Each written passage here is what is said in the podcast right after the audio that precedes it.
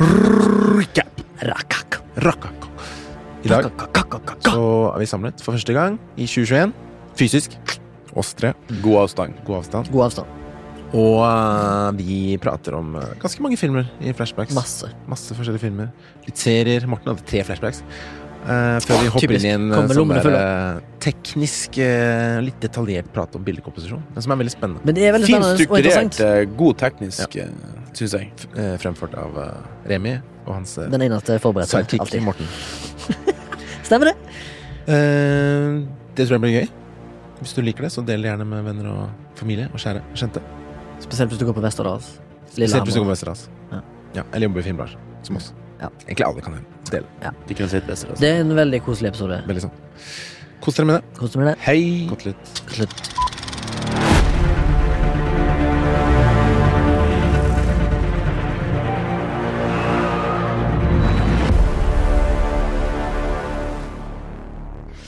Speng. Ai, my god. Kan du skru meg ned litt i monitor? Jeg er på å sprenge over han på intro. Nei, må få meg opp, ikke Ja, ja, ja. Ah, var ikke høyt nok. Ingenting er høyt nok. Det, altså, ingenting høyt nok kommer fra to lave jævler og én høg. Mm. Altså i høyde. Velkommen uh, tilbake til gards. Til en Yes. ny episode av Flashback. Og et nytt år. Og et nytt år. Men vi hadde vel en episode forrige uke. Jeg tror det. Da busta vi det. Ja, men jeg hadde faktisk tenkt jeg skulle si til eh, folk at det her er den første ordinære episoden i I år. 2021. Vi tok en liten eh, filmtriks på forrige for å holde hjulene i gang. Ja, ja, absolutt. Og jula i gang. Ja. Ja, og jula åh. Åh, det likte han. Ja, eh, Såpass gjennomsiktig må vi være med de få, men trofaste lytterne vi har. Ja. Takk for at du hører på. Takk. Takk. Så um, du har rett i det. Dette er første gang vi møttes i 2021. Mm. Og Et nytt år skal det bli. et nytt år skal det bli. Med avstand og sprit. Og eh, Forhåpentligvis en rolig overgang av uh, presidentkandidat. Ja, det blir det nok. Fy faen, det er siste sesongen i den sykeste reality-såpa ever, altså. House of Cards. Altså, Du kunne faen ikke ha skrevet det verre. Det er veldig Jesus underholdende. Det er veldig underholdende. Men uh, nå skal jeg jo ikke akkurat si at, eh, at, at folk dør og sånn er gøy, da, men uh, det skjer, sånn skjer når det skjer. Det er ikke gøy, men dem- det er jo som folk sier at you play stupid games, you win stupid prizes. Enig. Flashbacks? Eh, jeg kan godt begynne. Ok. Eh, for min flashback er en eh, En film som eh, ikke var så positivt bra, liksom. Og det er litt gøy, Men må jo sette fokus på det jo av og til. litt gøy å snakke om film som jeg syns er så dårlig òg. jeg hadde jo skaffa Disney Pluss av Mandalorian, selvfølgelig. Ja. Og da er det gøy å se litt andre ting, da. Har Frampek. hm? Frampek. Frampek. Vi skal snakke om den neste uke. Oh yeah. Um, og se litt av hva som ligger der, da. For da har man plutselig tilgang på mange filmer og ting som ikke har gått på kino. Så jeg Ja. bestemte meg for å se Mulan. Oh, den nye. Ja, for den skulle egentlig gå på kino. Men den var den første som Disney brukte sånn sånn I hvert fall i Norge, da. Liksom Solgt inn som eh, Disney pluss. Ja, det var det live action adaptation. Dette er live action adaptation. Og det var altså så ræva. Som bare sånn skikkelig dritt, liksom. Og helt sånn forferdelig Ikke bare eh, bilder og manus og på måte, VFX og klipp, liksom. Bare sånn mange sånne altså, Det føles som det er lagd av en komité, da. Og ingen eh, sing, Hva heter det? Sånn singularly mm, hva skal jeg si, Visjon, da. Ikke en autær, liksom. ikke Nei, en autær sånn uh, director. Henger ikke på greip. Og nå husker jeg ikke så mye av den originale, men jeg mener jo at Eller jeg elsker jo de originale Disney-filmene, for det er jo liksom Classics. classics. ja God historie, magi, spennende og følelser, ikke minst. Jeg har null følelser. Det er jo det de er kjent for Disney. Ja. Eh, du kan ikke se en Disney-film uten True that. True that. Så det her var liksom Det var liksom de hoppa gjennom en hel historien uh, Var bare for å komme til eh, Jeg vet ikke, altså. Det var helt sånn Big battles. men var det liksom i, var det i 3D? Var det noe sånt, liksom? Nei, ja, fancy jeg shit? Eller skulle den er opprinnelig være i 3D på kino? Jeg tror ikke det. Den har fått mye kritikk fordi at de Den har jo tatt en annen vei litt. Altså de tar seg noen friheter ofte med de live actions. da Så blant annet Mushu er jo ikke med Ok, Er det Dragen. dragen? Ja. Ja. Men en sånn derre Hva som stemmer til Mushu i Disney på engelske? Var ikke det Eddie Murphy eller noe? Nei, det er, han har Donkey, han. Kanskje Robert Er det mm. Du får sjekke det ut. Ja, jeg får sjekke ut. Men så har de lagt inn en sånn der Phoenix CGI-ørn som liksom skal være sånn Ha en eller annen uh, emosjonell tilknytning til hovedkarakteren, da. Eller hennes reise. Så Som er også sånn veldig rart. Uh, eneste gangen jeg syns det var litt interessant, vet ikke om du husker For det handler om henne eh, Mulan, da, som er Det er det? Mm. Kult. Hun er jo vokst Hun er jente Ja. og er veldig eh, glad i Eller hun er flink. En flink kriger, i hvert fall i denne historien. Mm. Men hun får ikke lov til å verve seg i Nei, for fordi, på grunn av at du er dame. Jente. Og så kler hun seg ut som en mann. Det er sånn det er. Ja, fordi faren må verve seg, da. Fordi det er en sånn krise, i hvert fall i denne filmen. Eh, mot Jeg vet ikke om det er Khan, altså Gengis Khan og dem, ja, som kommer for å ta over et eller annet. Mm. Og da Er er ikke det skjer plott i Ghost of Tsushima òg? Jo, det kan godt stemme. det. Og det er faren eh, Han er liksom gammel, og, og de har ingen andre mann, menn, menn i familien. Da, så de må, de må liksom Mannfolk! en, Hver familie må serve én person. Ja. Og um, han er gammel, og han har ødelagt beinet sitt, så han verver seg selv da når disse kommer. Men da tar dattera liksom drar uten å si fra, for hun vil ikke at faren skal gjøre det. Og det er liksom et bra premiss, på en måte, men det er bare så dårlig utført. da Men sånn er det jo på den originale òg, tror jeg. Ja. Nå kan ikke jeg huske den heller sånn på farten, for var, her er jo noen år siden. Ifølge 90. plott, plottbeskrivelsen så er det The Huns, eller Hundene. Ja. Er ikke det Attila the Hun? ja, det tror jeg jeg husker fra Ja. originalen òg. Høns. Mm. Um, Huns. så prøv, altså vet, Dere har sett- husker jo 'Snikende tiger, skjult drage'? Ja. Mm. Prøver liksom på en sånn derre vri av det i fightinga, men det er, det er ikke helt det heller. Så blir- Wire Fu, som de Ja, og så blir det litt sånn halvveis, og da blir det sånn Hæ? Mm. Er det magi, eller er det ikke magi, eller hva, er det for noe? Så Eneste gang jeg syntes det var litt interessant, var når hun var på den treningscampen og måtte liksom skjule at hun var jente, da. For det er bare gutter, ikke sant? Og så er det sånn 'Hei, gutta, skal dusje og sånn. Hun bare ah, fuck. Og det syns jeg var gøy. Liksom, Da var jeg sånn med på Å, jeg er spent på hvordan hun kommer til å løse det her, da. Men det var jo bare en Ja, men det er For det var faktisk litt 10%. praktisk skriving, liksom. Hvordan Ja, er løser liksom- det her konf problemet. Og et faktisk Men det er jo da du ser mennesket, liksom. sant? Hm? Det er da du ser mennesket. Prøver og feile. Det Ja. er det vi liker å se på. Se på, har du motstand, ikke sant? Du må finne ut hvordan du skal løse det. Konkret. se på første Wonder Woman-filmene. De beste momentsa i filmen Det er når hun lærer seg hvordan det er å være menneske i den moderne tida, da. Ja. Eller si, med han For det er liksom relaterbart på en eller annen måte. Ja, du forstår du må det, liksom. relatere til noen som Å, shit, må lære seg nye ting, og bla, bla, bla. Uh, men det er liksom 10% og så er resten Så er hun jo på en måte litt sånn som Ray, da. Hun er liksom allerede god. Um, Ingen kurve, karakterkurve, Nei, liksom. nei, hun har liksom ikke noe motstand Mary når hun Sue. først Litt som Mary Sue. Uh, så Men eh, sånn så, For at ikke vi skal nå bli stempla som uh, misogynytiske ikke faen det for noe. Hvis at du har Hvis du bytter ut henne med en, en gutt hadde ikke hatt noe å si. Nei, tror, tror du det? Ja. Fordi det er, det er ikke det at det er en dame som er hovedrollen. Ja, for Det er jeg, bare jeg, jeg irriterer meg jo på han Poe er for noe i The Siste Star Wars-filmen, for han er også perfekt. Mm. Han er sånn «Wow, wow, fucking perfect hele tida, liksom. Mm. Det har ingenting å si med at han er mann, liksom. Det er jo like irriterende. Ja.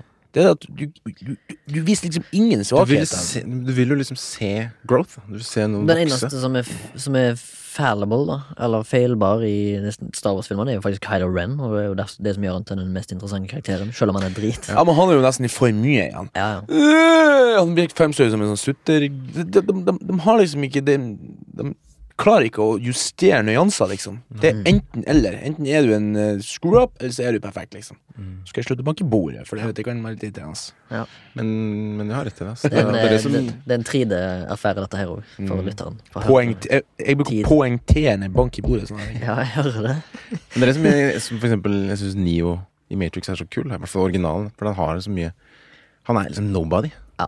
Og så blir Halve filmen går jo på at han skal trene seg opp, liksom. Det er derfor jeg, du jeg, har, jeg har jo linka denne her eh, filmen som heter Nobody. Mr. Nobody. Eller? Ja, heter bare Nobody, med Boba Odenkirk. Den traileren som viser deg med han fyren som har Stemmer, stemmer, stemmer. noen particular skills, og så vil han ikke egentlig bruke det til det for sent. Mm. Den føler jeg kan bli sånn at han er for god til at det han gjør, er ingen motstand. Det er litt sånn John Wick-aktig. Ja. Selv om John Wick er kul og bra, og han liksom Men John Wick er bare kult. eh, Ja, fordi det er en actionfilm, en sjangerfilm, sant? Er ikke jeg som linker til den. Jo, og så har jeg linka den igjen etterpå. Ja, riktig, ja. fordi at, Nå kjenner kommer jeg på det. Ja, Det er samme forfatteren av John Wick, faktisk. Det er samme gjengen. ja det er samme gjengen. De Det er jeg litt sånn bekymra for. Nå så jeg det jeg så på en annen gang, noen sånne bilder fra en sånn Wire-geir på Matrix 4. da De hopper ut ved ei blokk. Mm. Det er kult at de gjør det live action, faktisk. At det, det, var, det var høyt. Det var sikkert 40-50 meter. Det er bare, Tom Cruise-aktig. ja, bare med wire, da. Mm. Og så begynte jeg å lese på den, for jeg fikk ny sånn tilbud om en gratis måned på IMDb Pro. Så begynte jeg å lese litt på den. Det er jo hele staben til Vic På The Matrix 4. som la Matrix 4. Ja, men regi og manus er det samme. Er det Ja. Wachowski-søsknene? Nei, det er, det er Vic. Nei, nei, nei. Det er Wick. Det er Wick-folk! Nei, nei, nei, nei. Jo. Nei. Jo. Nei, nå tror jeg jeg var inne i går. The Matrix 4 Ja? regisseres av uh, Lane Lana Wachowski. Nei? Jo. Ok, da skal jeg gå inn her på IMDb Pro. Her står det svart på hvitt. Men det er godt mulig at uh, Det er ikke stunt coordinators Det er ikke og ekte. producers Du har laga det der. Han har laga det. Du har nok rett i at de er med på um, fighting og disse tingene, men jeg tror eh, Ja, han har nå en av rollene, han der forbanna Keanu Reeves. Ja, men han Wick Cooken Tenker du på Nei, nei. David Leach, er det det? Um, det ut.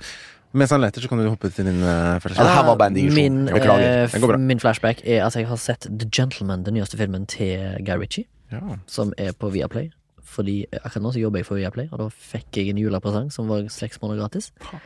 Så da måtte jeg jo bare Da har jeg faktisk drust på med Besatt, den Ja. serien alle har jobba på. Har du sett ferdig nå? Uh, Nei, på episode seks. Eh, Og jeg så The Gentleman i helga som var. Eh, Skrevet og, det, og regissert av eh, Guy Ritchie og blant annet Ivan Atkinson. Eh, og en til som er credita som manus. Maren Davies. Og mm, den som vil jeg si var utrolig underholdende, og det var digg å se en sånn film, en sånn rappkjefta britisk film, da, men han er helma av Matthew McConaughey i hovedrollen. Snakker han britisk? Han snakker Han snakker ikke britisk, han snakker amerikansk, men det blir forklart med at han er eh, Han er britisk etter, men født, opp, født i England, oppvokst i USA, reist tilbake til England. Det er det som er storyen hans. Og at han var sånn wonder kid, eller noe sånt. Endte opp med i the drug business i England, og nå sitter på flerfoldige mm, hundretalls millioner pund i verdier i da the pot business. Og så handler filmen om at han er keen på å pensjonere seg fra det, og da eh, ligger hele hans empire eh, utfor eh, Utfor på en måte for salg, da. Og så er det en god del andre gjenger og, og det som er som er litt keen på å få den real estaten, da. og da er det jo et sammensurium av ganske gøye karakterer, som selvfølgelig Guy Ritchie er kjent for å skrive. Altså, du har en boksetrener, du har eh, kinesiske gangstere, du har eh, eh, sånn henchmen han har som er veldig eh, rare og kler seg rart, og så har du liksom en private eh, detective som liksom følger med på saken fra utsida. Du har en avismann som er jævlig keen på å være eliten. Og du har mye rare sånne eh, karakterer som knytter seg sammen, og blant annet en sterk villain i Eller villain, kall det gjerne det, men Jeremy Strong, han, han som kjent som Kendall Roy i Succession, blant annet, spiller òg. Han er òg en amerikaner, men absolutt en jævlig underholdende film. Løp og se. Mente, jeg hør- hørte han de sa at han hadde He's lost it. Guy Ritchie's lost it. This movie sucks. Ja, jeg vet ikke hvem som har sagt det, men han har kanskje, han har kanskje mista det, for han lagde jo den derre Robin Hood-film Nei, det gjorde han ikke. Hva het den andre? En sånn møkkafilm. King Arthur. King Arthur. Har du sett den? Ja, den var, Dritt. var bæsj. Okay. Det var dogshit. Og så har han Aladdin. Aladdin, Den Det syns jeg var helt ok. Har ikke sett Med han. uh, Will Smith. Will Smith. Han hadde òg en ganske Smith. ass Sherlock Holmes, men den første var ganske grei, men den toen var ikke så kul. Jeg syns begge de to var kule. ass Ja, men Jeg likte den stilen med det der. Og så er han jo han Robert Down Juring er jo kul. karas karisma all the way through. Faen, han er- Men var eh, den eh, The Gentleman samme sånn, rapp- sånn kjapp klipping og sånn klikk, klikk, som, som han er så kjent for? Ja.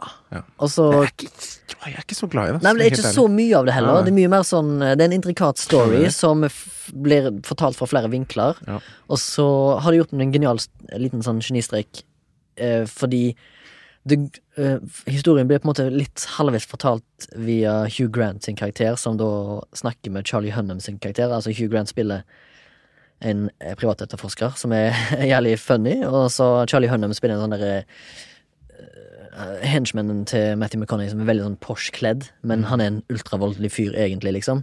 Og en veldig skremmende karakter, egentlig. Han forteller Historien blir fortalt via Hugh Grant, som forteller hva han tror har skjedd. For det liksom du, du kommer midt inn i en Eller nesten i slutten på en historie, og så skal du prøve å finne ut hva som har skjedd. Så forklarer han det via at han har skrevet et filmmanus. Så det er litt gøy. For da forklarer han litt sånn filmatisk. Og det er et jævlig genialt uh, Ja, at, eh, utgangspunkt og premiss. Jeg er enig med deg at jeg liker ikke noen peker på en Baba. Uh, sånne filmer som, som er sånn Jeg har inntrykk av at mye sånne filmer i dag er for kjapp. Ikke det at Ikke bare at de er klept fort, men liksom alt. Altså de, Du ser at de har liksom korta ned på alle scenene, og det er All exposition skjer gjennom dialog. Og liksom Du bare Du, du walk and talk hele tida, liksom. For det, det virker som du, du blir for meg stressa av å se dem. Men sånn som den første Sherlock Holmes til han, eh, han eh, Richie. Richie, den, den syns jeg de har gjort det på en genial måte, den kvikke klippinga. For da fikk du se liksom det her, intelli, det her uh, intellektet til den Sherlock Holmes, da, kan du si, sånn visuelt. Med det der Planlegger liksom at når jeg slår der, så tipper han der, bla, bla, bla. Da har det liksom en funksjon da, for historien. Ja, det syns jeg var ganske fett. Men jeg, altså, jeg likte den veldig godt. Det var Superunderholdende. Uh, gøy film. Det er, det er ikke den beste han har, men uh, den er liksom litt sånn Guy Ritchie, da. Eh, og det liker jeg. Altså, det er samme språket. Han, han, lover, han våger å ta sjanser, og han holder seg ikke politisk korrekt i det hele tatt. Det syns jeg er gøy. Mm. Det kan hende at det var Jeg, jeg tenker på han Spike Lee. Han har også fått sånn Han er også veldig sånn spesiell, men han Spike Lee har enten en bra film, eller han har en dårlig film. ja. Jeg føler han Eller ikke dårlig. Hva var den siste han Spike. Lee hadde? Han har ikke Black Clansman. Ja, for den ser han jo var bra. Ja, den var, den var grei, men slutten var liksom sånn What is going on here? Ok. Vær så god. Har du mer? The Gentleman Viaplay. Ja. Jeg så uh, Hva faen heter det? Borat Sex Successive Movie. Hva faen Ja. Har ikke du også sett den?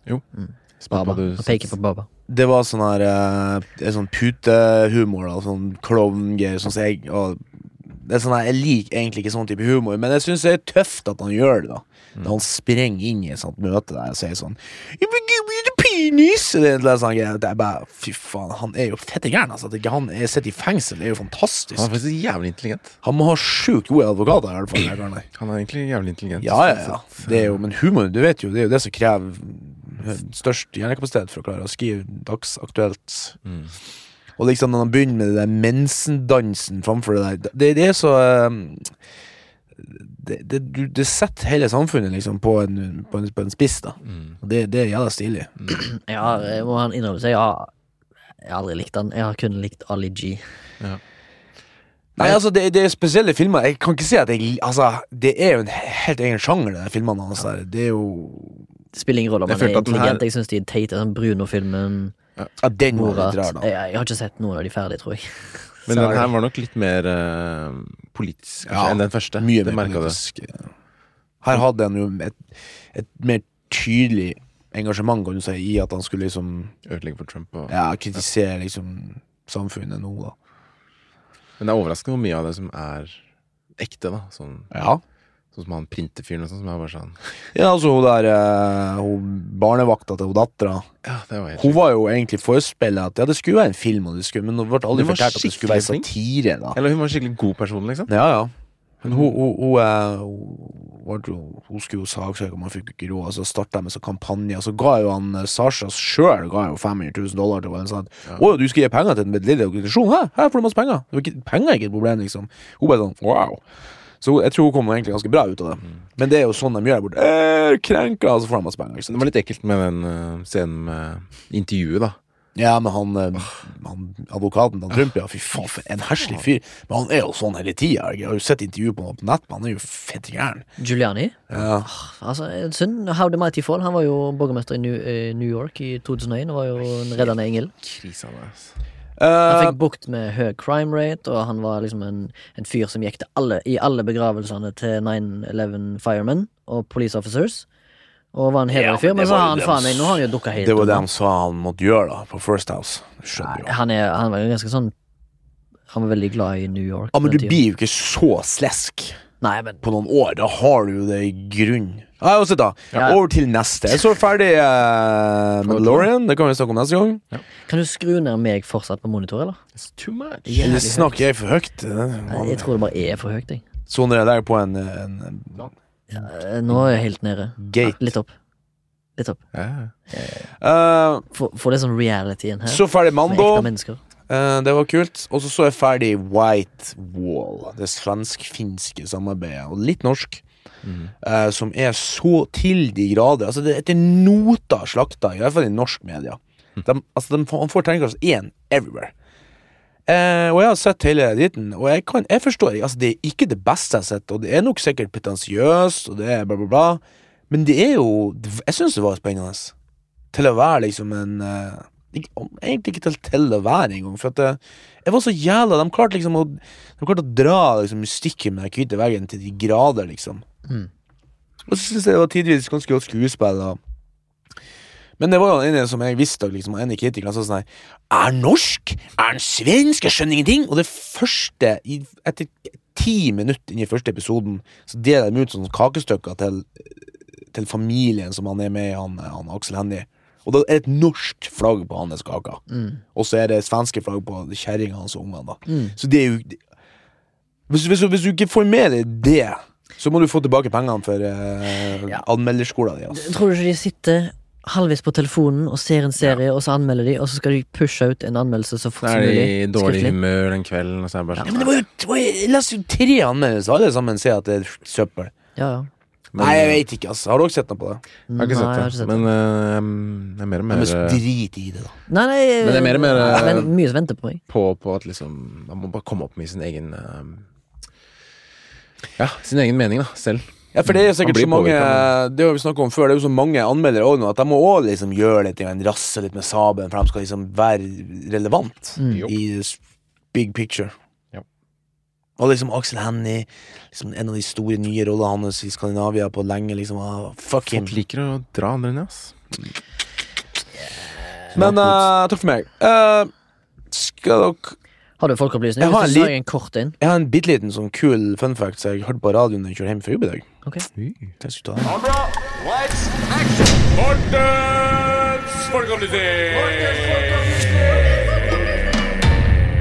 Vet dere den eldst, altså den lengstgående såpeoperaen i verden het og ja. Det, kan røpe så mye at det er en radiosåpe, for i gamle dager, når de starta med såpeopera, så var det på radioen. Det her har, er den lengste. Han er fortsatt En som spiller i den, er 103 år gammel. Og, hun Går fortsatt? Ja. og det er fem millioner briter kan jo si at i England. Var det tre eller var det fem millioner som hører på den seks dager i uka? Hver uke i Hold dere fast 70 år. Wow. Den kom ut i 1951, heter Archers. The Archers. Mm. En britisk eh, såpeopera om sånn bygdefolk, da. Everyday life in countryside. Og det er liksom sånn her Altså, det er sånn her uh, Everyday story of country folk and now a contemporary drama in the rural setting. Så det er liksom sånn super-easy sånn eh, living oppe i bygda, liksom som en sånn Det var, De hadde leid inn en professor på, på P2, de er ganske flinke da. Og han snakka om at liksom eh, det her er liksom den store drømmen til engelskmennene. Å fære ut dit og leve det enkle liv. Og liksom, fortsatt en dag i dag Så er liksom topp tre ting som er britisk, så er det liksom britiske landsbygder som de setter høyest i. Wow. Det er sjukt. 70 år! Og de tar med sånn som 9-11, korona, de tar inn sånne ting og liksom spiller det ut, da. Så det er liksom en sånn krønike som går over i real time? Ja, det, det, det er realtime-drama, liksom. De, wow. Den kommer seks ganger i uka. Står her at det er number of episodes 19.345 episoder as of 31. desember 2020. Det er sjukt. Six per week pluss 75 minutter. Omnibus. Det er sjukt. Fuckings fucking psycho. Og så den lille ekstragreia til det der, da. Hadde jeg lyst til å spørre dere Vet dere hvorfor det heter såpeopera? Eller soap opera? Nei. Nå må du Har det noe med eh, såpe å gjøre? opplyse oss. Har det noe med å vaske munnen med såpe? Nei, altså Hva er det for en lyd? Såpeopera begynte som amerikansk radioshow på 1920-tallet, 1920-tallet, og havna seg på TV i 1940-årene. Heter det da såperadio? Og såpe Ja, det heter såpeopera hele tida, egentlig. Og såpeopera kommer ifra at Litt sånn her Det her er sånn som jeg leser litt på Wiki, og tar litt sånn ifra eh, egen friskt minne, da. For at opprinnelig så hadde var det ofte reklame for vaskemiddel oh, ja. i det. På grunn av det at målgruppa var hjemme Det ble sendt på dagtid, og det var hjemmeværende husmødre som var målgruppa. Så de første f- 50 årene, ikke sant, så var det målgruppa var hjemmeværende husmødre. Og dem, hva de trenger? Såpe. Så det var liksom eh, Porter and Gable, Colgate, Palmolive og Univ Unilever. Altså det var sånn her eh, de eldste såpegreiene. Takk for meg. Cool. Cool, cool. En liten eh, folkeopplysning bare sånn på tampen her. Ja. Succession sesong tre eh, har mest sannsynligvis en release date i år. 2021. Å, Som jeg er så gøy. I år? Mm. Det, det var ikke så kult, da. Og til en. De, han, Rick and, han, som, han som skrev var med å skrive siste Eller sesong fire på Rick and Morty, han som var Emmy for det, skal være Ja. med å skrive Star Wars. Og en Marvel En par, to-tre Marvel-filmer skriver han nå. Yes. Så han har blitt en gull, egg, gullhøna til eh, Disney. Nice. Det er ikke han uh, Dave Filoni? Nei. Nei, nei, nei. nei. Ok, nå må vi Vi kan snakke evig om det her. Altså. Jeg Ja. fikk lyst til å hoppe inn i ting også. Men Vi skal eh, prate litt om uh, bildekomposisjon på film. Og TV. Egentlig generelt bildekomposisjon i Mhm. et bilde. Ja. Bevegende bilder. Det som vi egentlig skulle snakke om Det vi skal snakke om nå På FPS. Ja. FPS. FBAS. Jo, ja. Men uh, No, yo. vi har masse tid. Ja. Så det blir jo filmteknisk, da. Men det er òg eh, prøv, prøv å lære vekk til den gemene hop om kanskje hva de skal se etter for å Ja, er identifisere noen, et eh, godt bilde. filmfolk som hører på, eller studenter som hører på, som vil lære noe, eller komme med tilbakemeldinger, eller eh, sånne ting. Ja. Du kan jo det. Subjektivt ord, da. Temaet. Du kan sende oss en mail også. Vi skal nå drøfte, men uh, et, vi, skal, vi setter jo ikke på noe fasit. Nei, nei. det er jo litt sånn stilig, for det er jo egentlig ikke noe fasit i det, da. Men, det eh, kommer an på Eller det fins jo på en måte ikke akkurat regler, men det fins jo noen eh, guidelines. Jeg vet ikke hva det er godt norsk ord for. Det finnes jo noen regler, men når du kan, kan dem, så kan du også bryte dem. Og det kan vi jo snakke om, eksempel sånn som Mm. Wes Anderson, som bryter reglene med vil, vitende vilje. Mm. Eller andre gjør det òg, med vitende vilje. Sant? Baba? Further ado. Ja. Men du var veldig forberedt, skjønte jeg, Remi? Ja, jeg håpet det, for jeg var jo so, forberedt til sist gang. Take it away. Skal jeg take it away? Ok, No eh, så komposisjon, bildekomposisjon, eller da filmkomposisjon, det er jo rett og slett når eh, lyd, lys og bilde, holdt på å si, regi, foto, lys, bestemmer seg for å sette opp et bilde som skal filmes. Mm. Og det, og det Og i lag med mise-en-scène og scenografi og alt det greiene der det innebærer å filme, så skal det settes inn for å fortelle en visuell historie. Misansen er vel det ordet på det. Ja, hele greia. Alt i bildet. Ja. Alt i bildet. Mise-en-scène. Det er godt, eh, godt filmuttrykk, Mm. Morten. Mm. Så for å fortelle en historie, så er du nødt til å ha Ikke følge noen regler, men eh, det er veldig nyttig og, og nevenyttig å ha noen del guidelines for å få til et bra eh, bilde som skal ha en effekt på publikum. Og en av de tingene vi lærer først om, spesielt eh, dere og meg, og som har gått på en eller annen form for fagskole når det gjelder film og uttrykk i den sjangeren, så er det noe som heter det gylne snitt, eller the rule of thirds på engelsk. Og eh, Morten, det vet jo du hva er, så du kan jo nesten kanskje begynne å bare forklare med dine ord hva den gylne snitt slash the rule of thirds er. Altså Det gylne snitt er jo noe sånn som de gamle grekerne regna seg fram til. For de var jo opptatt av at alt skulle kunne finne Altså Matematikken hadde svar på alt. Så han fant bare en, eh, en Og de at kanskje det var guddommelig i tillegg. Ja, det er noe sånt. Altså, du, det- alle har jo sett eh, Hvis du googler Gyldig snitt, så får du en sånn snurr. Ja. Det er liksom eh, Det er Og det er jo òg når jeg skal bygge noe på arbeid, og ikke vi har spesifikke mål, så ganger det bare den korte sida på 1618. For 1,618 er liksom formen for det gylne snitt, da. Um, men ikke sant, i film- og TV-verden så ble det- blir det vanskelig å få den snurren. For du, du ser det jo, altså Munch og de her gode gamle malerne. Da kan du legge denne krusedullen på bildet, Og da begynner han gjerne på ansiktet til noen, og så går det inn, og på, på hele den linja på den krusedullen så skjer det noe. Men hans bilder er kanskje gjerne ofte rektangulære fra Ja, ja, opp ikke sant? ned, sant? Du har den formen overalt der. Ja, du har den overalt, ja. Og til og med den de laga trapper i, i, i Hellas før, så regna de den formen Alt skulle ha den formen. De var helt sånn sykelig opptatt av det. For de påstår det, som du sa, at det var divined eh, Ja, altså Formel, ja, At det er liksom guddommelig nummer da, og formel. Men for å forenkle det inn i TV-verdenen, så laga de noe som heter for rule of thirds. Og det er basically bare det at du skal ikke sentrere ting du vil liksom filme. Du de- kan, hvis du er George Miller og i Mad Max Fury Road Eller eh, blir, Wes Anderson, Eller Wes Anderson. der som- alt er sentrert Mm. og speila. Liksom det verste du kan gjøre, ifølge lærebøkene, gjør han til en suksess. For Ja. han vet regelen, og han vet hvordan du kan bruke den. Ja. Men det er basically at du tegner opp eh, to horisontale og to vertikale linjer i bildet. Og da vil du få et rektangel på midten. Eh, Litt så sånn tic-tac-toe, altså sånn kryss og runding. Ja. Hva, heter- hva heter det på norsk? Uh. Tre på rad. Bondesjakk. Ja, bondesjakk. Uh, så du, vil, du, du kan også se at du, liksom, du deler opp i ni liksom, like store kuber, kan du si. da Mm. Og da får du en kube på midten, så du skal liksom legge det som liksom er business, rundt den kuben. Hel faktisk helst et av de hjørnene der, da. Ja, Der den horisontale og den vertikale linja møtes, så er det viktig. I komposisjonen å sette et slags form for objekt. Ja, Eller du, subjekt. og hvis du skal være, ta det inn i foto, da, så vil du ha da den nederste tredjedelen. Vil du ha liksom eh, landskap eller forgrunn. Den midtigste Mellom de to midtigste delene vil du da ha eh, hus og sånn, og så den øverste vil du ha himmel. Hvis du skal liksom ta et bilde på eh, på Instagram og få det kult, så vil du dele For du ser mange ganger når du, du skal skalere bilder på sånne her eh, fotoapper, så får du opp der til linjen der. Mhm. Men er det en øh, psykologi bak der, liksom? Er det behagelig å se på? Sikkert. Ja, det er det faktisk. For Ja. øynene tiltrekker seg midtpunkter på den måten. Og eh, hvis du komponerer bildet ditt skikkelig, så vil du få en slags Fordi at øynene drar seg etter handlingen i bildet uansett. Mm. Og vi vil først, først, først Når vi ser på et bilde med mennesker i, så vil vi først se, se de inn i ansiktene, og helst inn i øynene. Mm. Det er det med mennesker Og de øynene er står liksom programmert. på sida av hverandre. ikke sant? Ja. De står ikke, du, du ser ikke på nesene først du ser på. Nei.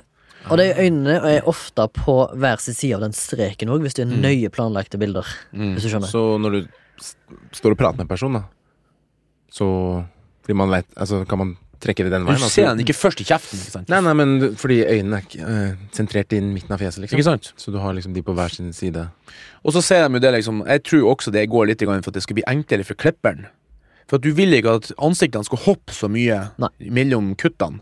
Så hvis du legger den i et av de gylne sittene, så er det enklere å kutte. For du trenger ikke å flytte øyet så mye. Ja, Det er nesten en vitenskap. Ja. Fordi at, eh, ja, akkurat som du sier, for hvis alt ligger i gylnesnitt og du klipper, så trenger ikke øya flyttes, ja. Men der kan du også bryte regelen. Ja, hvis du vil at, at du skal For hvis du da flytter uh, utafor det, Så kan du hende at så du hopp øyet. Ja. Og da, huh, da skvetter du til. Sånn som han gjorde på eh, Arrival. Mm, Der flippa han jo bildet, på. Der fikk jo folk, folk sjokk. Og det var faktisk en feil.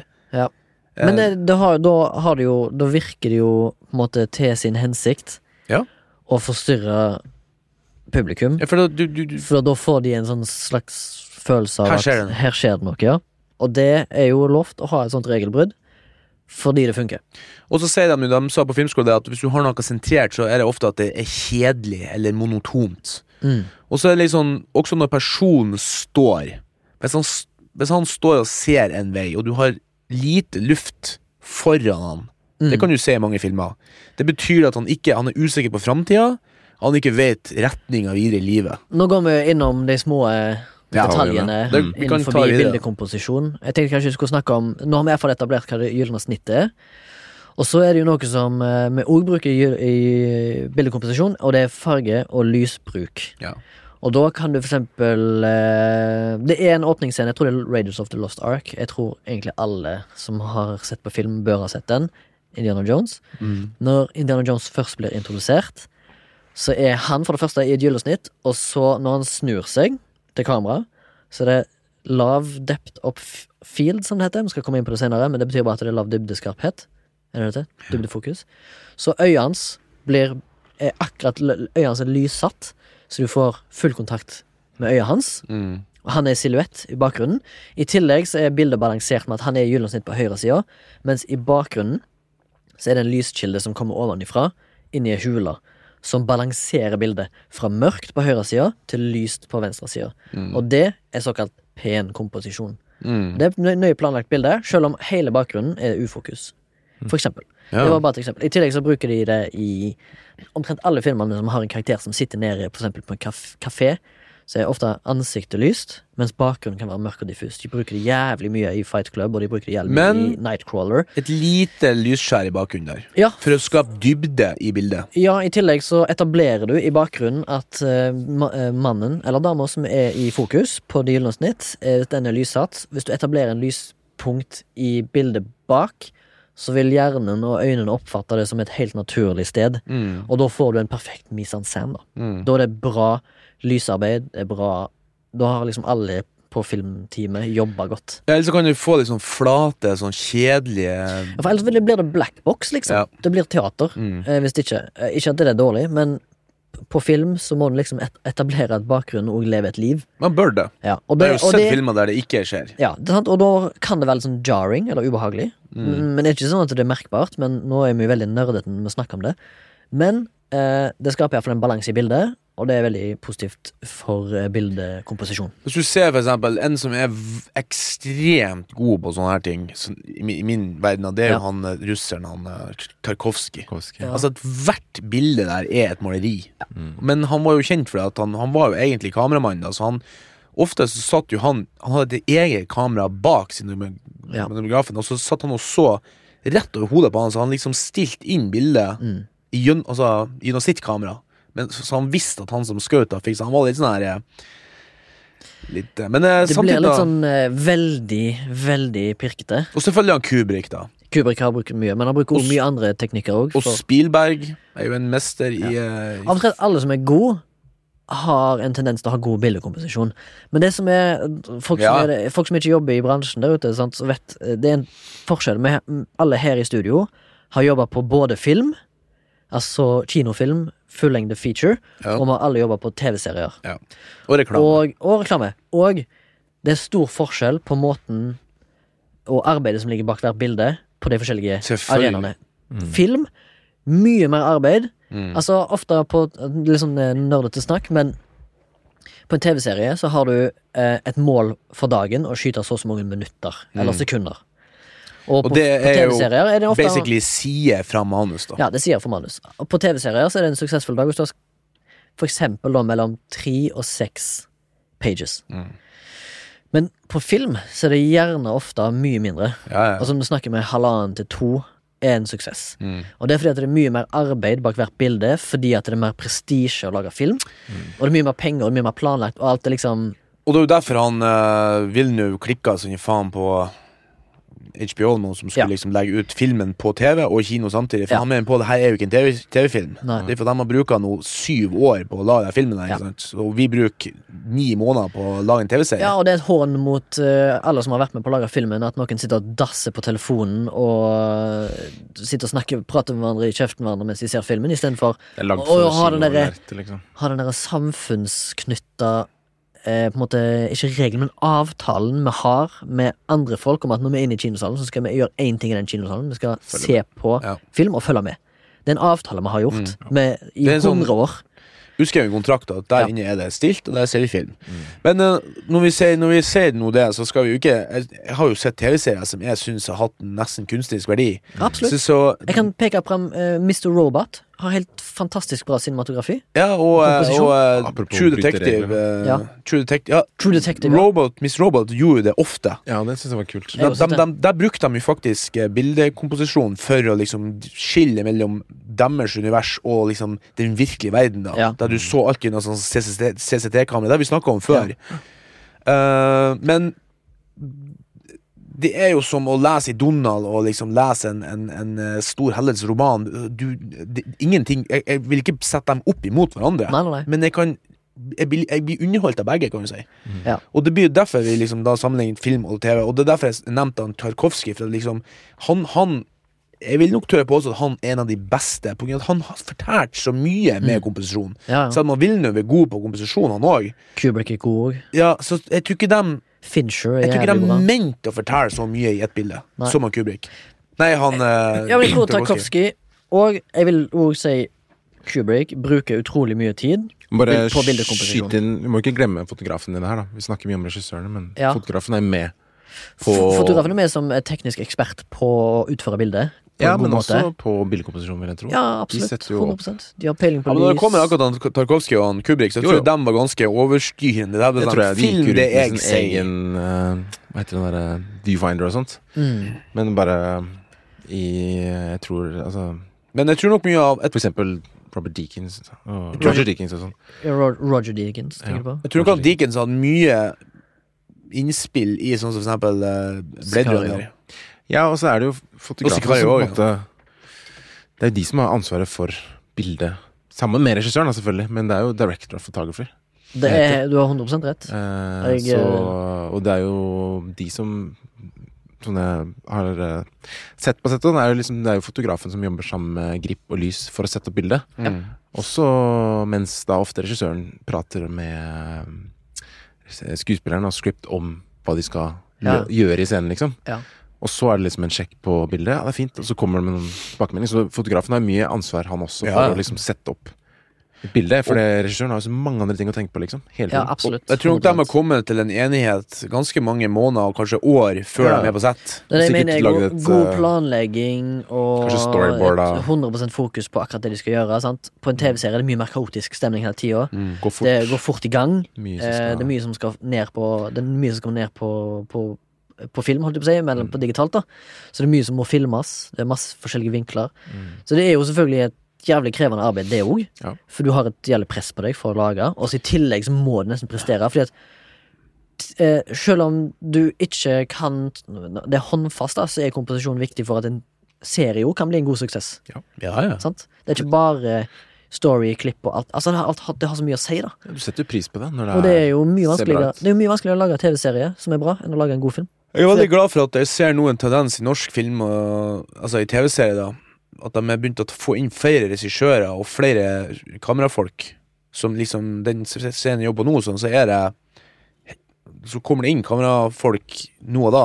Mm. Jeg tror de har to eller tre To eller tre kamerafolk der som liksom bytter på. Så en, en er der borte og styrer med den dekken, og så en hos oss. Uh, jeg har jobba på så mange TV-serier med så sinnssykt dyktige fotografer og regissører at det jeg blir altså flabbergasted, for å bruke et engelsk ord. Flabbergasted. Ja, altså, jeg er enig i det du sier, da. At kvaliteten på norske TV-serier og filmer er bare i økende Ja, grad. men sånn har vi vært gode. Vi har vært gode teknisk, men eh, jeg, jeg syns at den lille nå kneppet for å komme og kneika er liksom manus for deg. At vi klarer å skrive like bra som eh, England og Sverige og Mm. Danmark, ikke minst. Mm. Kan du ta noen eh, videre eksempler på god bildekomposisjon? Eh, Vi var innom eh, lys og mørke, og eh, lys, lysbruk. Men du har jo noe som har med ledende linjer, Mm. som blir veldig ofte brukt i Parasite, for eksempel. Vi har jo snakket mye om den. Bruker utrolig mye av linjene på arkitektur og strukt, altså ting i bildet, da, mise en scenen, til å skille historier, og mye av gylne snitt. I tillegg så finnes det mange andre filmer som bruker sånne Bruker liksom elementer som har sånne ledende linjer. Jævlig mye av det i Blade Runner, blant annet. Mm. Filmer nedover en gang, sant? så ser du liksom hjørnene gå nedover mot et fokus i midten. Mm. Det er der aktøren skal til. Det er viktig. Å, bruke sånne ting som det i komposisjon er veldig bra, for da får du en sånn levende bilde. Ja. Og du får en sånn følelse av rom og tid og sted, liksom. Og så noen ganger så er det sånn at du De, de panner lite grann, og så plasserer de et objekt Mm. Ja. i gylne liksom. Ja, og, Eller da en leder, person, og, og da liksom. leder det linjer innover, da. Altså, et godt, et godt eksempel jeg skal vise deg her nå. sant? Ja, er ja, Det er karakter som skal komme over en obstacle. Det står noen i enden av en gang. Og det er masse linjer som leder mot hans objekt. Det er ikke noen tvil om at den der, eh, den der den luftsirkulasjonsanlegget der Ja. er så tydelig oppi taket. Ja, det, blir er- som en, det blir som en pil mot det du skal se på. Garantert satt inn der for For øyet, liksom. Mm. Og det gjelder godt. Altså, en, en, en film som er litt sånn undervurdert akkurat på det, syns jeg faktisk er Drive. For Ja, den, den- bruker altså så mye lys og komposisjon så subtilt. Mm. På et, på et tidspunkt der så står han oppe Jeg tror akkurat han har møtt den dama der, eller sånt. Og så står eh, De står og diskuterer, da.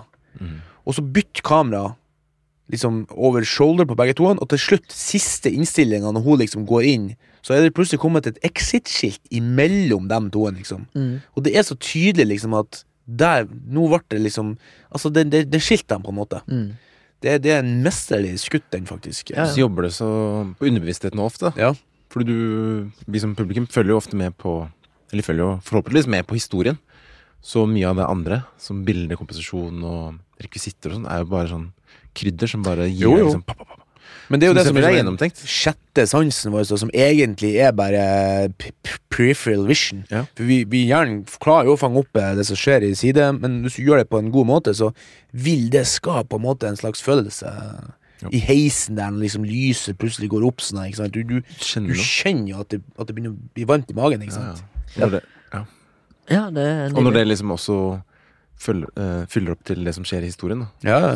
Så er det bare Nå skal vi bare ta tilbake til det du snakker om West Anderson med symmetri. Mm. Og det er jo òg viktig for uh, bildekomposisjon, fordi at han bruk, bryter jo ofte regelen om rule of thirds, da. Det gylne snitt. Ja. Uh, med å putte ting i midten som du skal ha fokus på. Og sånn det funker, da, uh, for øya og oss som publikum, så er det liksom overveldende. Mm. Fordi at du er vant med å ha ting enten i øvre høyre, nedre høyre, øvre venstre, nedre venstre.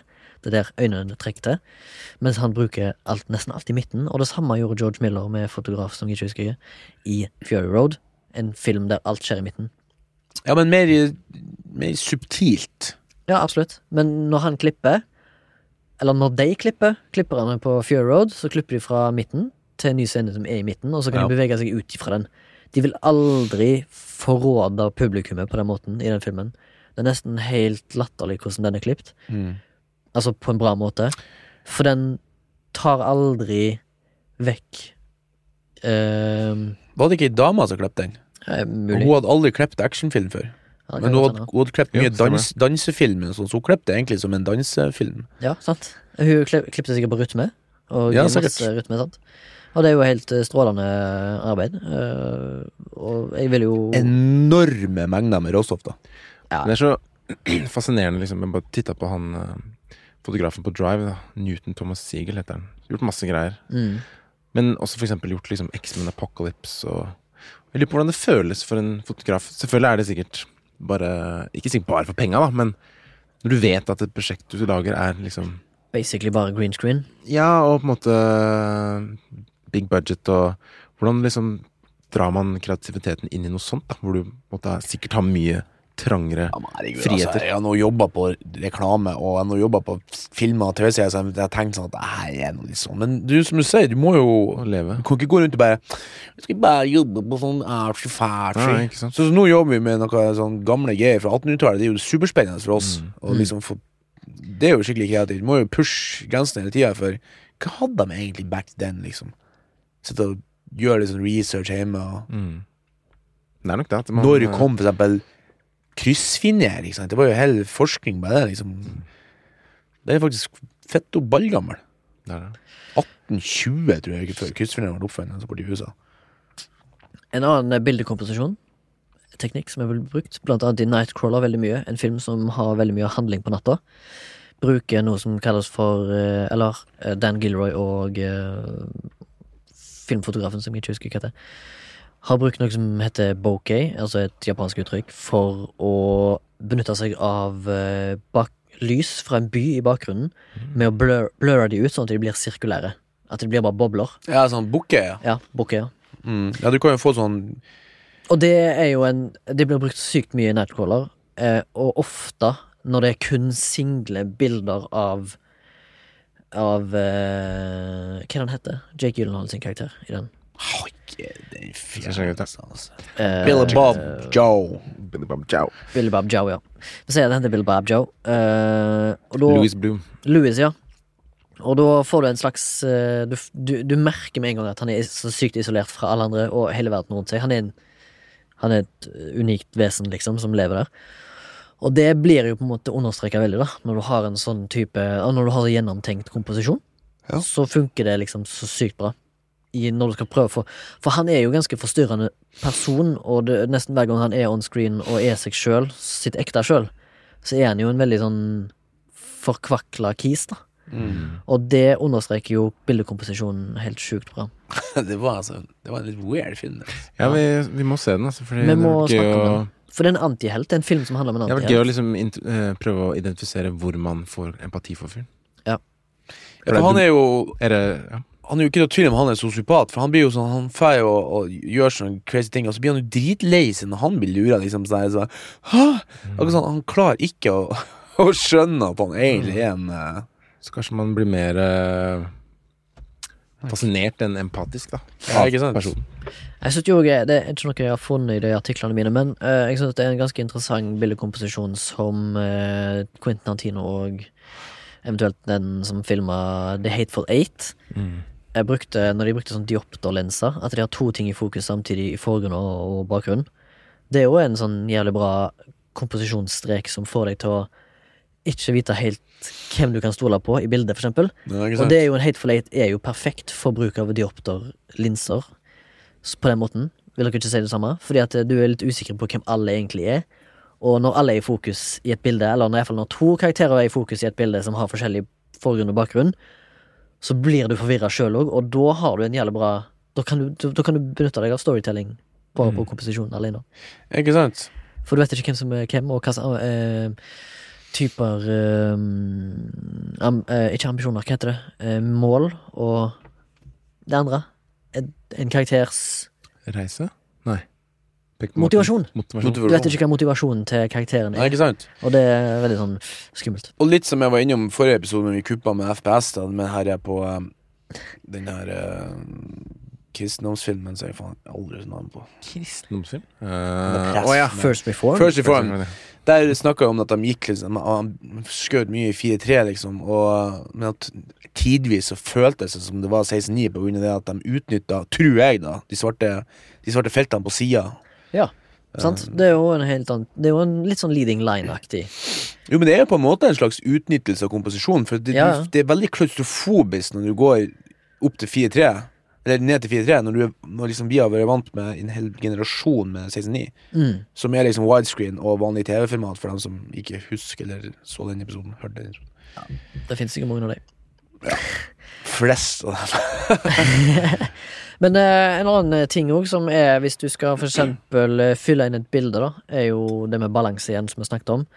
Eh, så hvis du har blant annet en karakter eh, som er i venstre side av bildet, og har et eh, tomt høyrebilde som Hvis du ikke fyller det med noe, så merker du det ganske fort. Mm. Mm. Så du kan fylle det med noe eh, som skal balansere bildet, eller u gjøre ting i ubalanse hvis det skal virke mot uh, Sånn som i.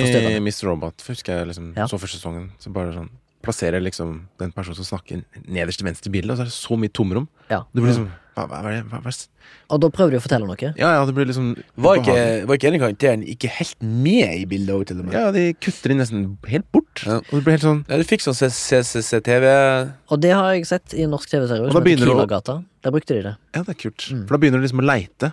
Hva er det de Er det noe Ja. her nå? Altså, Sant? Med en gang så blir det satt litt på prøve. med en gang Mm. Hva er dette her for noe? Og sånn som Don't Look Now, når kameraet henger igjen. Nå- Den er- panna. ja. Den er fin også. Og det er jo deep law. ja, det er deep lore. Det er fint. Men det er, det er mange sånne trik, eller triks, kan man kalle det triks, da. Ting man kan gjøre for å liksom Jeg, jeg vil si at det er essensielt, jeg, Mm, rett og slett. pirre liksom. Å ha noe sånne At du må jobbe med hvert bilde, og du må vite hva du holder på med når du filmer noe. Ikke sant. noe. Og det her er jo derfor jeg sa helt i starten at vi, vi skal jo ikke belære noen, men uh, vi bare informerer om det som vi har sett til nå. Mm. For at det, det her er jo det at det, det finnes jo som sagt noen enkle regler, sånn som liksom at uh, vi, vi syns det er mest pleasing å se på siden. Derfor så kommer de opp med gyllen snitt. ikke sant? Det brukes fortsatt, og det brukes effektivt. Og det er hvorfor fix something that's not broke. Men så gjør vi jo forbedringer, sånn som for eksempel han Vilnu nå, som tok det enda et hakk ikke sant, på Arrival. Der du liksom ser Der han har laga den der for Det er jo selvfølgelig ikke noe spoiler, men det det er sånt glass der du ser aliensene der. Og det er det vi forholder oss til. Men så går hun inn, og så er de mye større enn vi hadde trodd. Mm. Så sier han det at han på en måte, Det er liksom meta, for her er liksom TV-skjermen. Du ser hele, hele livet ditt, så ser du nesten hele verden rundt deg gjennom et, et, et, et vindu mens det egentlig er så jævlig mye større enn det du egentlig ser på TV. Liksom. Verden er så mye større enn det bildet du får presentert på en skjerm. Ellers er folk mye lavere, sånn som Tom Cruise. Han er ikke særlig høy, men han får, du får han til å se høy ut på Ja, TV. ikke sant? Det er bare Han ligger høy som meg og deg. Liksom. Hæ? En illusjon, på en måte. Det Ja, det, det. nei, det er ikke en illusjon, men det er bare Jeg føler at han tok et sånn kritisk eh, bilde på hvordan verden Altså hvordan vi oppfatter verden. Er Hvordan vi vi får informasjon. Hele filmen går jo ut på informasjon, ikke sant? Ja, kommunikasjon. Informasjon og kommunikasjon, og vi kommuniserer nå All informasjon vi har fått om korona, har vi basically fått gjennom TV-skjermen. Mm. Men verden er så mye større. Verden er så mye større enn det du ser på skjermen. Mm. For skjermen, da så du så stor alien, men så når du kom inn på innsida, liksom, inn i den virkelige verden, så var han jo dobbelt så høy. Og det som er litt interessant da, med akkurat det du sier, med skjerm, det er jo på en måte mange som mener, spesielt sånne, sånne skikkelig sånn smarty pants-analytikere som analyserer filmer, som har analysert en, en eh, Space Odyssey, 2001 Space Odyssey av Stanley Kubrick, at den åp filmen åpner jo med et bilde som er helt svart, i to minutter, med musikk oppå, som er avlangt kinoformat, sant? Mm. Wide, widescreen. Og det formatet der er jo akkurat samme som den der jævla monolitten, bare tilta på en 180 grader, han er 90 grader. Så mange, han mener jo at den monolitten er på en måte Det er det med At den monolitten er liksom så trangsynt, da. Mm. For vi ser bare Vi ser ikke det som er utenfor. Så det er derfor han har to minutter med bare en helt svart skjerm i begynnelsen av filmen med musikk på. Mm. Før det hele tatt skiftet bilde. Eller hva det er, jeg vet ikke om det er to minutter, men det er jo litt interessant at han Ja. bruker det. For liksom, hva, hva er det han prøver å si her, da? Prøver han å si at vent litt, før vi skal begynne å filme, så må vi høre to minutter med musikk? Eller vil han, vil han allerede der begynne å manipulere publikum?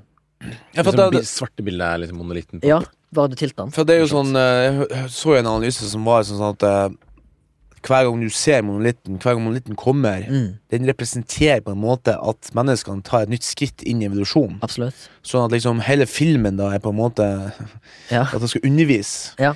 Men det er også en jævla kult grep som er For at vi, det er jo en ting vi ikke har nevnt ennå, da. Som er den fjerde The fourth wall. Mm. Som er liksom da mot kamera. Mm.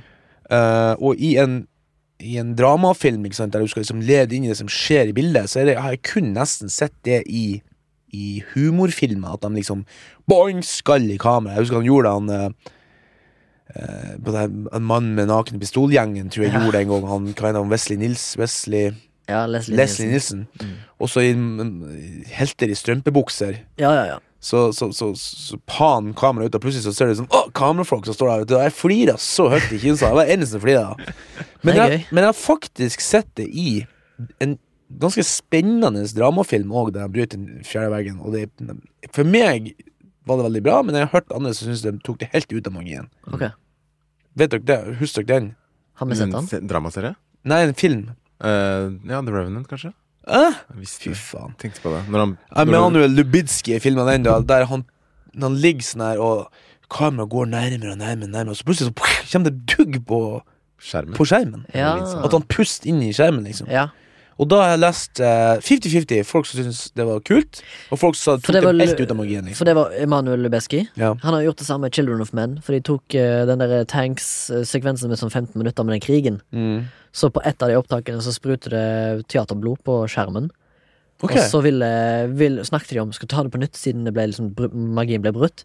Men så mente eh, regissøren Koran, er det det? Nei. Eh, Inaritu. Kåren, ja. ja.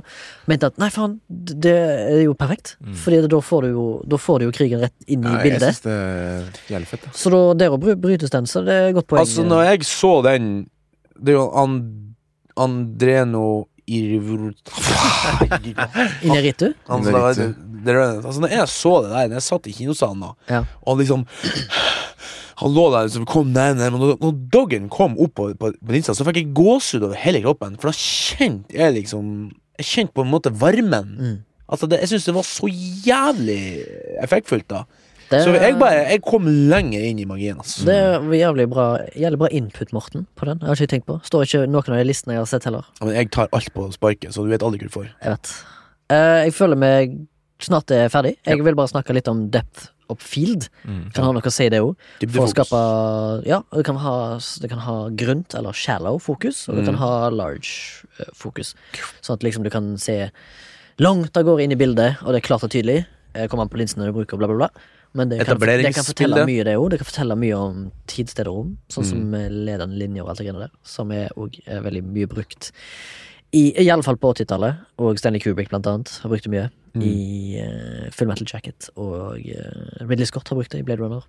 Så det er den siste tingen jeg skal ha om bildekomposisjon. Håper du har lært noe. Snakkes. Woo! nice. skal vi ta litt om dudefokus? Er du ferdig? Jeg, jeg føler ikke jeg har mer på det. Det er bare det at du, du kan, det, det du kan fortelle med det, er liksom Det kan jo, hvis folk tid, sted og rom.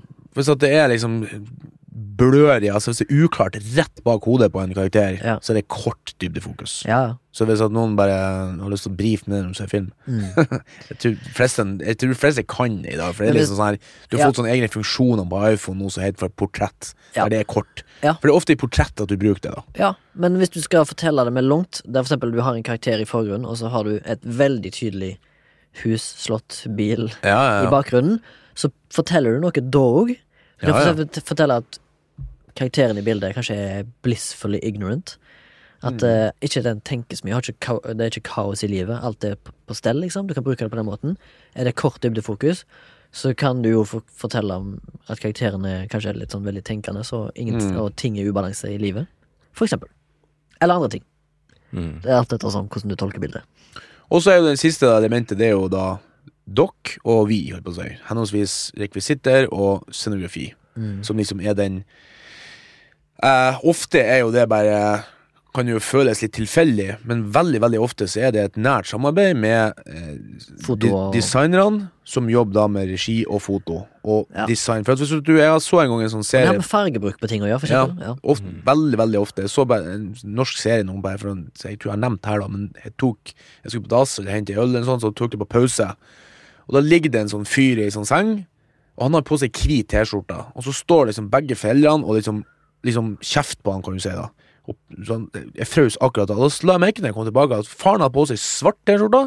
Og mora hadde på seg ei- mørkerød, men det, lyset havna sånn at begge to var veldig sånn mørke. Mm. Så du følte liksom at, brrr, at han, det ble liksom angrepen, på en måte. Mm. Så det er liksom små sånn effektive grep som tror faen ikke du legger merke til hvis du ikke Men, men det, det, det, merkes veldig godt psykisk. Det er under, underbevisste som vi snakker om. Og hvordan møblene står, og sånn som vi snakker om det der Du viser oss bildet der fra sikkert en japansk film der med liksom en sånn linje. Altså Noen må jo lage de linjene, ikke sant? Ja, ja. Og det er ofte en designer som gir oppgaven til oss. Og, Og da tenker jo sikkert selvfølgelig fotografen og director of photography tenker, å shit, det kan jeg benytte Mm. i denne serien, det er linjene. Så kan jeg lede publikum til et mål i bildet. sant? Husker du vi hadde en sånn oppgave på skolen på Westerdals, hvor vi skulle lage ta et bilde som skulle fortelle en historie? Bare kom på det nå Jeg skjønte ikke et puck av den oppgaven. Jeg skjønte at den var ferdig. Nei, for, det, for du nevnte at det var For jeg husker jeg tok bilde hjemme hos um, foreldrene dine, hvor liksom Jeg hadde masse sånn der eh, kaos på bordet, og så hadde jeg velta en stol, da. Og så var så bildet tatt sånn på skrå. og så skal liksom det gi noe undervist, da. Ja, For da, var, da skulle vi vel ha noen linjer linje og sånn. Og... Ja, vi skulle bare øve, leke med bildekomposisjon og skulle la eh, tingene i bildet fortelle en historie, da. Mm. Uten å si noe. Så jeg bare kom på det. det, er, alt, alt har liksom noe å si, da. Selv om man er bevisst eller ubevisst på det. For jeg, jeg tipper at mange drevne regissører og fotografer kanskje ikke tenker gjennom alt, men det er bare en magefølelse av at dette er, dette er bra.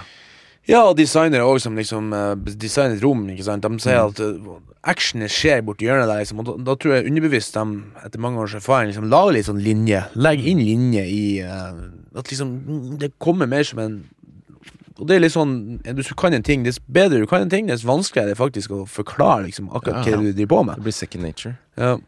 Ryggmergsrefleks. Ah, faen, litt, jeg fikk litt vondt der. Jeg har jo Som vi snakka om før, jeg får kreft nå igjen. Ja, sikkert. Faen, ass.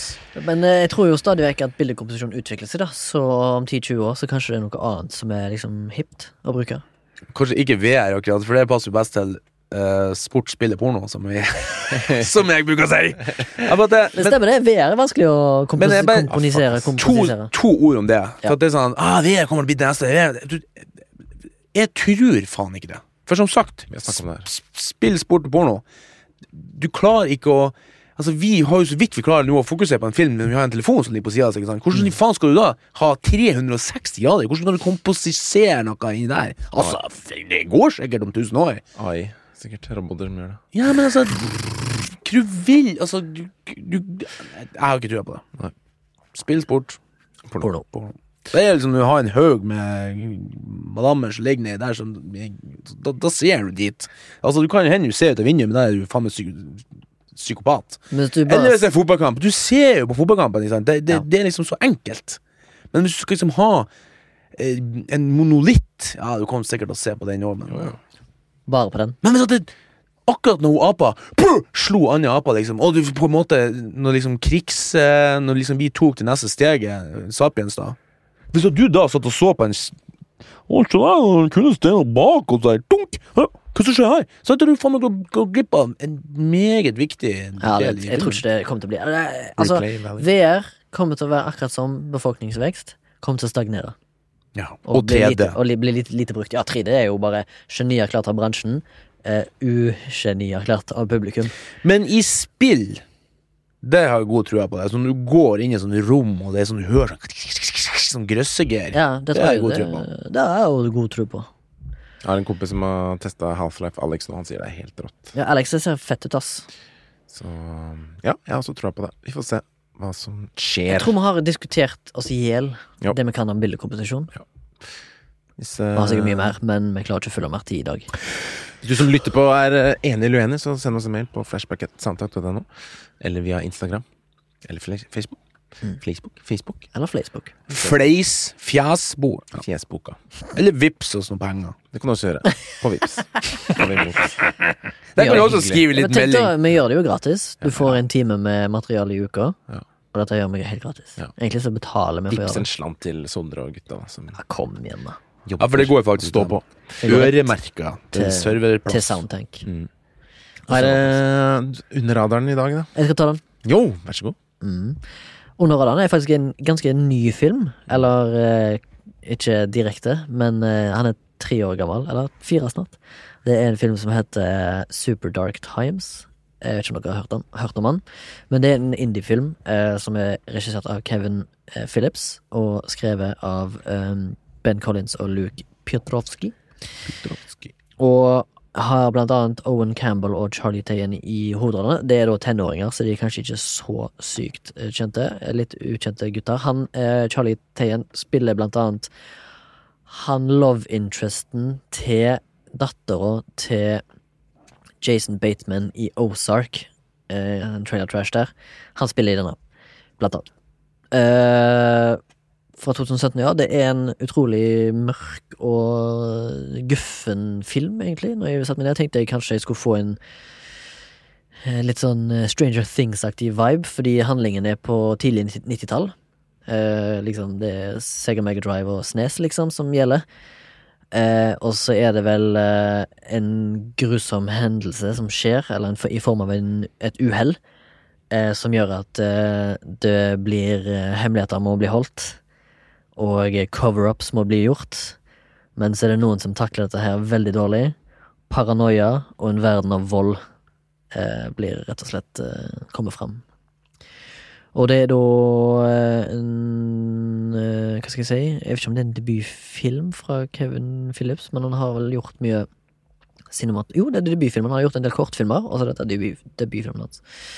Så absolutt det anbefaler hvis du liker litt uh, Litt av den sjangeren. Litt sånn human mystery-sjanger, sånn som jeg liker. Sånn svart voldig greier. Ja, det er veldig Det, det kan bli veldig darkness til slutt, men det er òg veldig spennende, fordi at Heter jo Super Dark Times. Heter Super Dark Times, ja. Og er det en superduper dab? Og det er liksom en, en, en fortelling om hva som kan skje hvis folk har en forskjellig oppfatning på hva som har skjedd, da. Og eh, hvordan de takler det. Og litt med, forteller litt med the human condition å gjøre. Så jeg synes den filmen er veldig interessant, men den er utrolig mørk og jævlig depressiv. Så løp og kjøp. Han er på Netflix, tror jeg. Det. Vær så god. Det var det. Kult. Takk for at du hørte på. Takk for at du snakka, Baba. Jeg, jeg snakka ikke så mye, men du, du dere to Faen, vi glemte å presentere oss i dag. Det gjorde Ah. faktisk. Remi 34 fra Haugesund bor i Oslo. Morten 39 fra Mo i Oslo. Baba 31 fra Oslo, bor i Oslo. Film, film og TV er bedre. Eh, Sondre, jeg tror han er 27, eh, fra Ålesund. Ålesund. Bor i Oslo. Fin plass. Fin plass. Masse fjell. Ses neste uke. Ha det. Høres neste uke.